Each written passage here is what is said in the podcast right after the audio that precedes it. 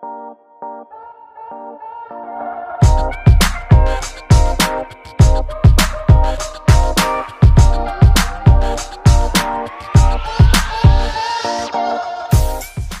selamat pagi, selamat siang, selamat sore, dan selamat malam teman-teman Abbas Talk. Akhirnya kita kembali lagi setelah hampir berapa minggu ya? Kita nggak nggak tag bulan tiga- kali ya? Iya tiga minggu sampai sebulan lah. Ya, ya, ya, ya. Karena eh, kebetulan juga Abu juga sempat masuk rumah sakit ya. Iya Bisa jelasin dikit dong, lu, lu kenapa tuh sebenarnya tuh? Biasa penyakit 10 tahunan demam berdarah. Nyamuknya favorit sekali sama saya soalnya. Iya, iya, iya, iya, iya. Pokoknya setiap 10 tahun pasti kenal lo ya. Amit-amit lah, jangan lagi 10 tahun ke depan. Iya, iya, iya. Ya jadi hari Ya, ini kita tapi, mau bahas apa Chen? eh, Mau bahas apa Chen hari ini kita? Eh, hari ini kayaknya kita lebih baik bahas eh, game yang akan eh, sebentar lagi dilakoni oleh penggawa timnas kita nih di hari Jumat nanti. Dan kita tag nih kebetulan di hari Rabu tanggal 29 ya, Bu. Ya. Betul betul. Ya, kita bakalan bahas sedikit lah. Mungkin Ya. kita bakal mulai dari eh, review dari Tour Aussie dan nanti bakalan bahas eh, tentang pertandingan kualifikasi eh, untuk si eh, Window 3 World Cup nanti. Dan Ya, ya. FIBA Asia mungkin dikit ya perbedaannya. Bebas ya. Iya iya iya. Dan buat teman-teman yang eh, sekarang mungkin masih bingung ya Chen ya. Ini kan sebenarnya jadwal kita tuh padat banget ya. Nanti habis eh nyelesain FIBA World Cup zona Asia window 3, nanti 10 hari kemudian kita akan ada FIBA Asia Cup di Jakarta di. Istora Senayan. Eh, nanti ada IBL gitu eh, di next Ya. di next month di bulan depan dan masih banyak yang nanya juga ya di kolom komentar. Ini kok lawannya sama tapi eventnya beda gitu. Ini info Benar, sedikit aja benar. mungkin nggak akan banyak-banyak ya.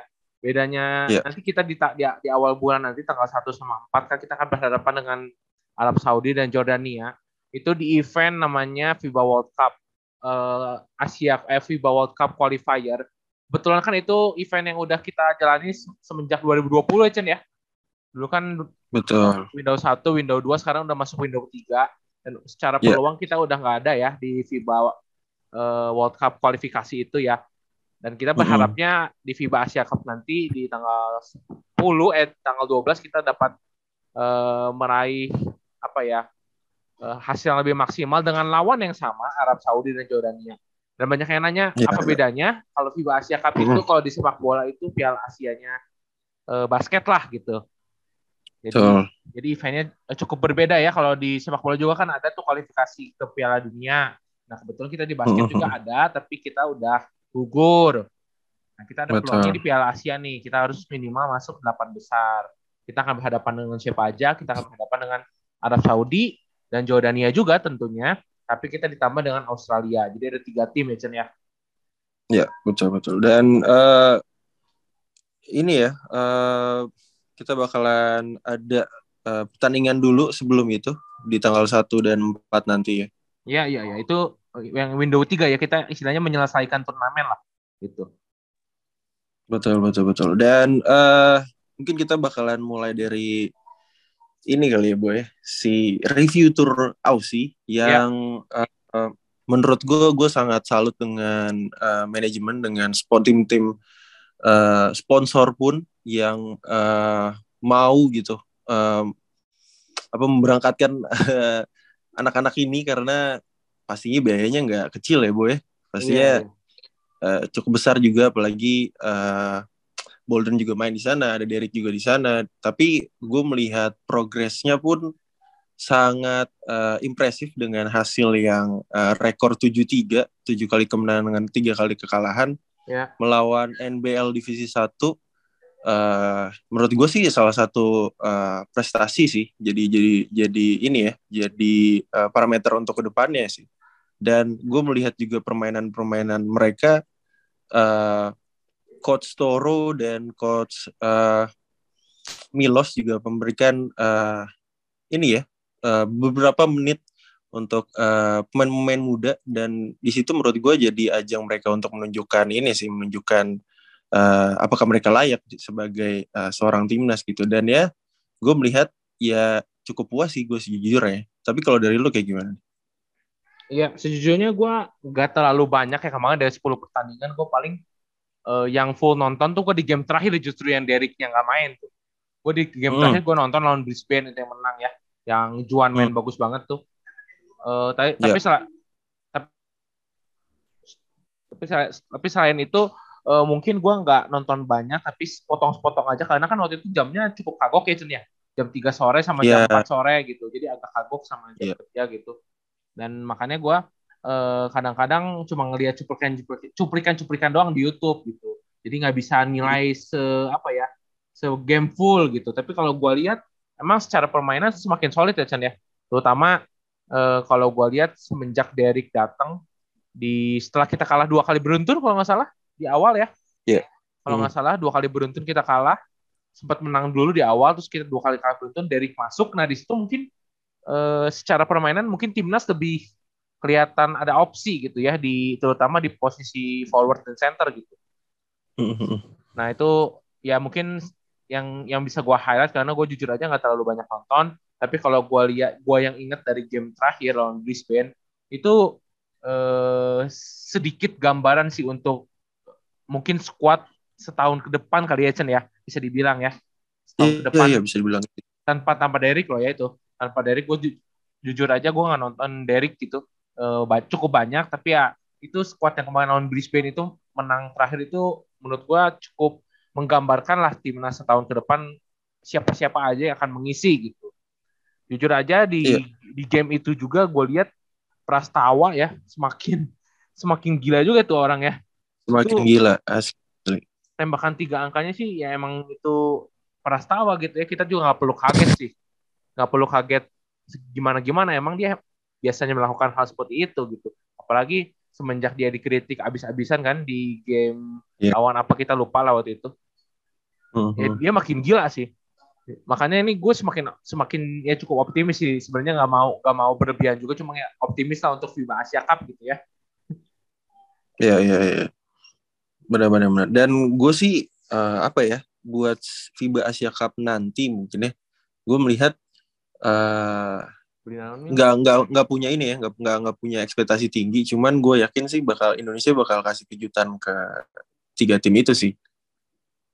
Yang gue yakin sih itu iya iya gitu. pastinya. Pastinya uh, Arab Saudi sama Jordania kan walaupun bisa dibilang tim yang cukup kuat juga ya.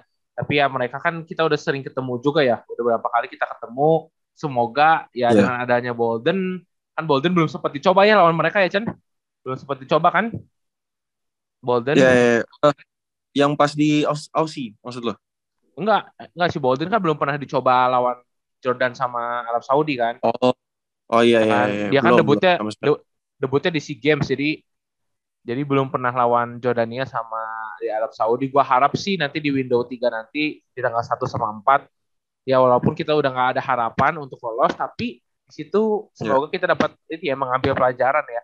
Soalnya itu kan game yang cukup penting. Bilang inilah pemanasan untuk FIBA Asia Cup nanti gitu kan. Kurang lebih skuadnya pasti sama gitu kan. Nanti. Iya, yeah, iya. Yeah. Benar, benar, benar. Dan uh, gue gak tahu ya nanti ketika uh, rawan Arab ataupun Jordan, uh, Marcus Bolden bakalan Marcus Bolden dan Derek bakalan main di yang mana gitu kan. Karena gue pengen lihat sih kalau sebenarnya kalau misalkan ketika melawan Arab gue melihat sebenarnya chance-nya ada. Karena Arab tuh uh, ini kan main di big man terus kan. Dan kalau misalkan ada dua big man kita ini datang gitu kan kayaknya sih ya bisa seru nih bisa ketat nih nanti di di uh, window 3 nih tapi kita nggak tahu nanti yang bakal main siapa aja karena uh, cukup banyak ya pilihan uh, roster squadnya kita nggak yeah. tahu nanti uh, yang akan main di Arab siapa dan yang akan main uh, ketika lawan Jordan siapa karena setahu gue uh, itu bisa ganti pasang ya bener gak sih? Iya iya uh, bisa bisa bisa. Kalau gue gue salah ya. Iya iya. Ya, kan bisa bisa bisa ganti pasang gitu kan jadi ya banyak opsi sih sebenarnya. Iya kan rosternya juga udah diumumin ya kemarin ya nambah ada Reza, iya. ada Kelvin, Pandu, Dede, Kevin Yonas, mm -hmm. lalu ada Indra Muhammad Sultan, Aldi, yang yang kemarin juga sempat gak kepilih juga ya di untuk SEA Games ya Chan. Betul, betul, betul. Dan ya memang ini jadi ajang uh, percobaan juga sih ya buat anak-anak muda ini dan yang belum uh, merasakan euforia gitu sebagai pemain timnas sih. Iya, ya dan di sebenarnya Chen kalau gue jadi pelatih gue agak dilema sih sebenarnya. Kalau misalnya kita Kenapa mainin, kalau kita mainin Bolden dan Derek misalnya itu kan sebenarnya bisa dibilang juga core ya, core-nya kita gitu untuk di uh, power forward dan center gitu ya. Kalau mm -hmm, kita yeah. mainin Derek dan Bolden di dua game itu kayaknya agak cukup risky untuk uh, mereka meramu strategi nih nanti di FIBA Asia Cup nanti gitu. Ada plus minus lah sebenarnya untuk uh, kalau untuk kita sendiri ya kita juga bakal uh, mencoba gitu ramuan tim kekuatan kita yang asli melawan mereka. Tapi di satu sisi mm -hmm. juga uh, ya tim lawan juga pasti pinter ya, pasti kan analisis uh, lawan kita nanti gimana di FIBA Asia Cup gitu kan. Apalagi apalagi kan mereka secara squad kan pasti pasti mempunyai size yang lebih bagus dari kita juga gitu. Uh, adjust adjustmentnya lebih gampang. Iya iya. Dan dan perlu diingat juga ya, kita kan nggak akan diperkuat oleh Abraham dan Margarita ya di window 3 nanti. Nah. Ya karena kemarin di Tora Ausi katanya overuse juga kemarin sampai sampai lututnya bengkak. Chen lo ada pendapat gak tentang Bram ini? Ya itu sih uh, cedera-cedera itu sih kayak pasti bakalan datang sih. Cuman gue nggak expect ke Abraham Damar Grahita karena uh, eh, gue melihat ini ya kayaknya dia sangat fokus terhadap badannya dia. Maksudnya dia dia selalu nambah sendiri, selalu dari recovery session sendiri. Cuman gue nggak tahu mungkin lo yang sempat kotak-kotakan juga kan sama Abraham. Tapi uh, ya gue kaget sih. Maksudnya kenapa bisa ke Abraham. Tapi sebenarnya uh, itu sangat mungkin terjadi karena uh, setelah si games kan jedanya tuh nggak nggak uh, iya ini ya nggak nggak terlalu panjang gitu buat main-main untuk recovery kayaknya jadi setelah si games langsung uh, mereka TC di uh, melawan NBL divisi 1 terus nanti bakalan uh, melakoni menjalani uh, melawan di di window 3 terus FIBA Asia lagi. Uh, itu sih sangat mungkin terjadi sih. Kalau gue melihatnya apalagi dia ininya overuse kan apa uh, ininya Cederanya. apa sih bilangnya? Cederanya ya overuse kan iya iya jadi ya sangat mungkin terjadi sih ya, ya untungnya cederanya bukan karena uh, sesuatu hal yang kita tidak inginkan ya. Ini kan hanya berlebihan aja kasarnya gitu kan ya. Menit bermainnya yeah. berlebihan dan ya yeah. namanya manusia juga butuh istirahat gitu ya kakinya. Apalagi Abraham kan kalau kita lihat kan mainnya juga e, gerasa gerusuk nembak juga gitu kan. Jadi semuanya dia e, apa lakoni gitu. Jadi wajar aja sih e, coach Raiko sama coach Milos juga nggak mau maksain Bram untuk main di window 3 karena kan memang secara peluang kita udah tidak akan lolos gitu kan ya. Jadi itu keputusan yang cukup yeah. cukup bijak lah menurut gue dari coach Milos sama coach uh, Raiko karena kan kita butuh sekali Abraham ya. Nanti di FIBA Asia Cup nanti semoga ya Bram juga gue tau lah komitmen dia uh, kepada timnas gitu kan. Gue sempat lihat postingan uh, timnas apa main basket juga waktu di Aussie tuh. Di Aussie tuh sempat yeah. Bram tuh nggak main sekali tuh kata main basket penyataannya cukup unik juga kan gue salah satu orang yang seneng ya fakta-fakta unik gitu ya Abraham yeah. itu uh, untuk pertama kalinya nggak main di gak timnas main. selama dua setengah tahun. Jadi selama dua setengah tahun tuh dia selalu full tuh main di timnas walaupun nggak nggak nggak tentu dia jadi line up atau misalnya cuma jadi pemain cadangan, tapi dia selalu main gitu.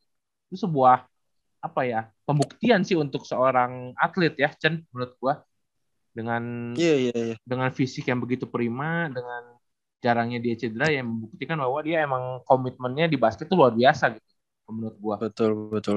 Dan iya cara dia bermain sih yang menurut gua juga uh, jadi apa uh, parutan buat orang karena dia dia setiap dia bermain tuh dia selalu ngelakuin yang terbaik buat Indonesia iya, sih. Iya.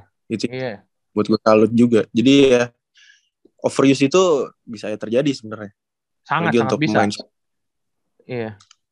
Lututnya bengkak gitu. ya katanya kalau gue baca tadi di main basket gue belum baca full sih. Lututnya bengkak. Ya itu jelas sih iya. overuse sih. Jelas sih itu mah. Iya benar. Ada peradangan iya. gue. Iya. Yang tadi dibilang sama main basket. Iya.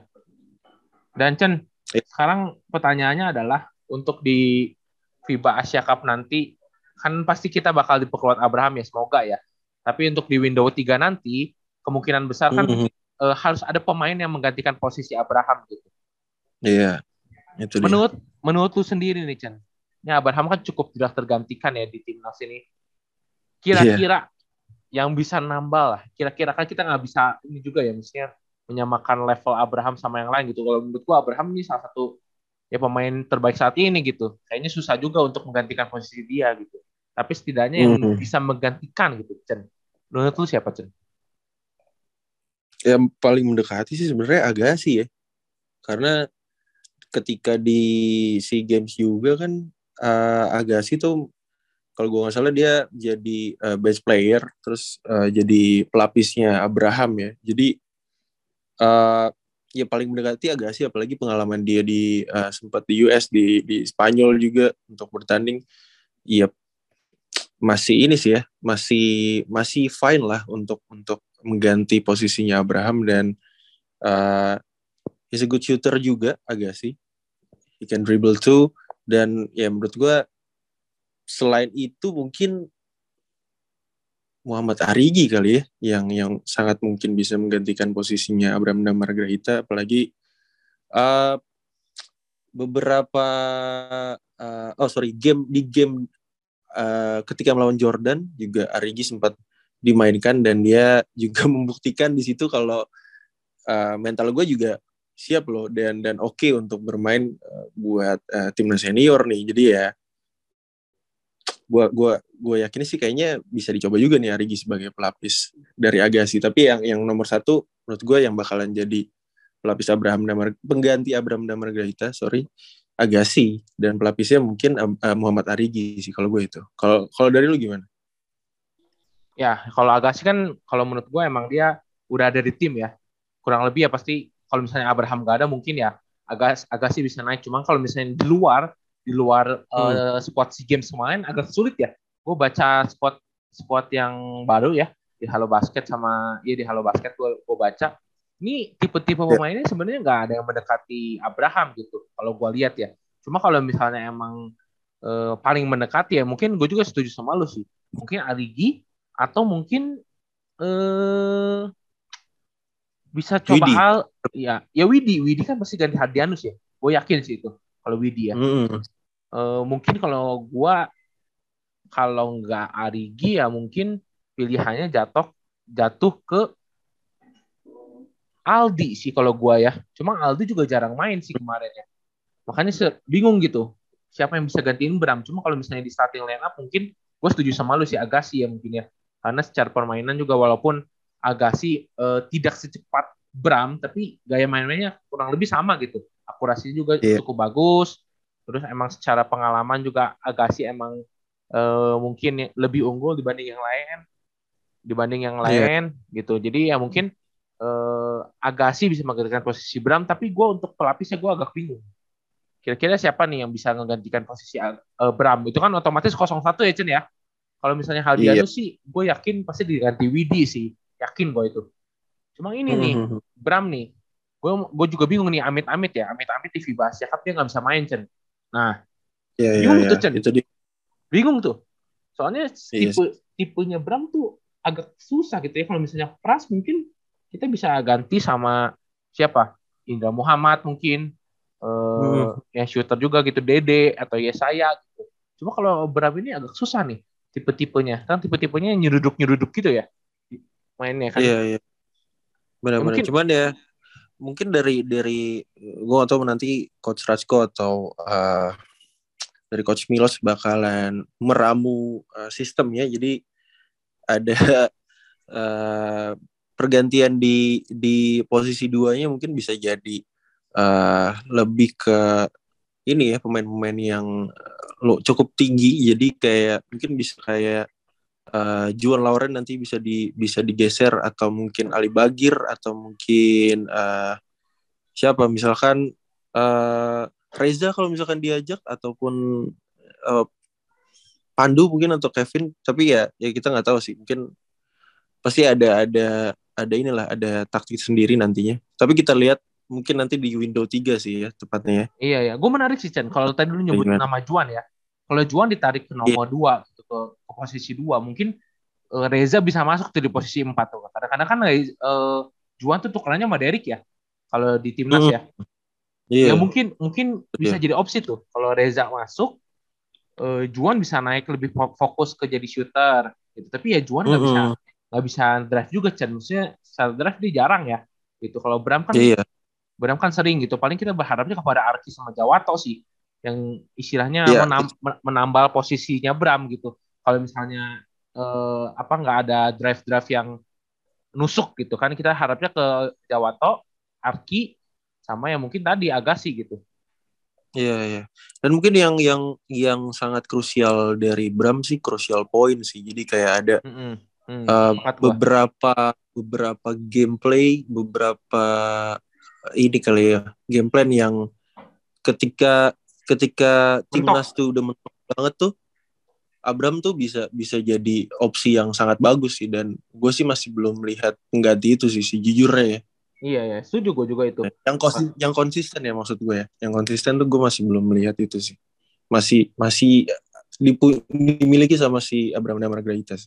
Ya, ya. ya, semoga itu yang krusial. Ya semoga cepat sembuh lah Abraham Damar karena lu sangat dibutuhkan ya sejujurnya di iya, timnas.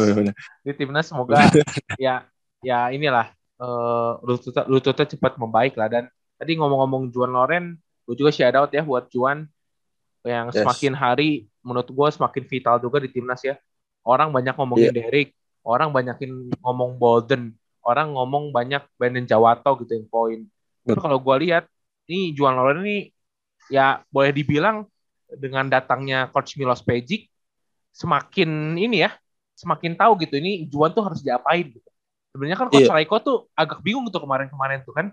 Nih Juan tuh mau diapain yeah. gitu. Tapi dengan datangnya Coach Milos, nih Juan nih faktor penting nih. Soalnya kan Coach Milos waktu itu juara juga Juan bermain paling konsisten gitu di tim kan. Betul. Ini menarik Betul. sekali nih. Coach Milos ternyata Betul. Emang apal banget sama Juan harus diapain di tim. Dan Coach Raiko juga kaget sih menurut gue ya. Nih Juan kok bisa yeah. gini gitu. Kemarin nembak masuk terus terus defense juga oke okay, gitu kan uh, apa drive drive juga kadang-kadang clutch gitu di game terakhir dalam terutama lawan Brisbane gitu nah, ini menarik sih mm-hmm. semoga uh, Juan terus konsisten dan jarang cedera ya tentunya uh, nanti Bener. window 3 dan tentunya di FIBA Asia Cup gitu Ya, ya. mungkin gue nambahin dikit sih. Sebenarnya Juan tuh udah sejak di SEA Games terus bermain sangat konsisten sih. Karena uh, ini ya gue melihat banyak orang yang meng-highlight dan men-spotlight Derek Bolden uh, Abraham terutama sama Prastawa gitu. Cuman ya posi posisi penting Juan tuh sangat dibutuhkan sebenarnya. Jadi be beberapa empat pemain ini kadang suka mati. Jadi Juan jadi opsi yang yang cukup baik dan dia menjalankan hal itu dengan baik gitu dan bener kata lu uh, kepercayaan dari coach Milos sih itu yang yang paling penting yang buat dia semakin berkembang sih sampai saat ini Iya, ya, ya sama nanti gue tambahin juga ya. Mungkin kalau nggak ada Juan rotasi timnas nggak akan sebagus sekarang, menurut gue ya. Iya. Ya, ya, ya, Karena Juan itu kan benar, kan bisa bisa di berbagai posisi ya. Dia bisa di dua, bisa di tiga, bisa di empat. Jadi secara defense pun ya. kita nggak mismatch gitu ya. Kan kadang-kadang kita kan defense kan suka mismatch gitu ya. Nah ini dengan adanya Juan nih, menurut gue eh, menambal di, di beberapa posisi gitu. Jadi cukup cukup versatile juga nih pemain gitu kan ya gue gue harapnya sih banyak ya uh, Indonesia uh, punya pemain kayak Juan gini ya mungkin yang bisa masuk timnas dua atau tiga orang setidaknya kalau misalnya kayak pemain kayak Bram Cidra gitu ada yang bisa menggantikan gitu minimal walaupun tidak sebagus Bram cuma minimal tidak terlalu jomplang gitu iya iya iya. Nih jadi Juan nih kalau di Warriors kayak siapa nih? X Factor kan dia berarti kan? Ya kayak kayak kayak Gary Payton lah. Bener gak Gary Payton. Gue setuju gue setuju. Iya kan? Iya iya. Benar benar benar Gary Payton the second. X Factor. Ya, ya kalau kalau di Boston Celtics kan X Factornya ini Peyton Pritchard. Cuma kan mainnya cuma dua menit. Peyton Pritchard. Cuma buat nembak doang ya dia oke oke oke ya kayaknya cukup ya review kita buat timnas. Cukup, cukup. Nanti kita mungkin ya. uh, take, take lagi kita mungkin nanti kalau misalnya ada hal-hal mengejutkan di window 3 terutama nanti tanggal satu kita mungkin take di tanggal 2 mungkin ya semua review eh preview dan review untuk uh, lawan Jordania di tanggal 4-nya gitu. Iya iya iya betul betul. Dan ini ya uh, buat teman-teman yang mau nonton kayaknya juga bisa tuh kalau nggak salah di Windows 3 tuh lo bisa beli di loket.com dan yeah. kalau untuk FIBA Asia sendiri bisa bisa cek di tiket.fiba Asia Cup setahu gue. Jadi yeah. teman-teman bisa langsung cek aja jangan lupa mendukung timnas kita karena pastinya seru banget lo bakal melihat banyak pemain-pemain bagus juga yang akan datang yeah. nantinya. Yeah, Jadi ada, jangan lupa dukung ya di FIBA Asia Cup nanti kita bakal ketemu Matthew Della Vedova. Oh, Wih, itu expector di Cavaliers dulu tuh. Matthew Daly, woi, kita tapi uh, terus ketemu Ton Maker kan? Kapan lagi? Iya, Yuta Watanabe itu ntar oh. Nggak, nggak ketemu, kita Dan, nggak, segrup. Iya, iya, tapi nanti ada katanya si Kai Soto juga bakal main nih katanya. Dia yeah, udah yeah. stres nggak undrafted yeah. di NBA katanya. Lagi pundung, lagi pundung. Lagi pundung, lagi pundung. Oke. okay. Ya udah, segitu aja ya. Mungkin ini kita langsung naikin besok di tanggal 30 yang dengerin. Semoga uh, yang kita bahas ini ini ya bermanfaat ada pengetahuan atau insight yang bertambah buat kalian semua ya. Thank you semua, yes. bye. Thank you.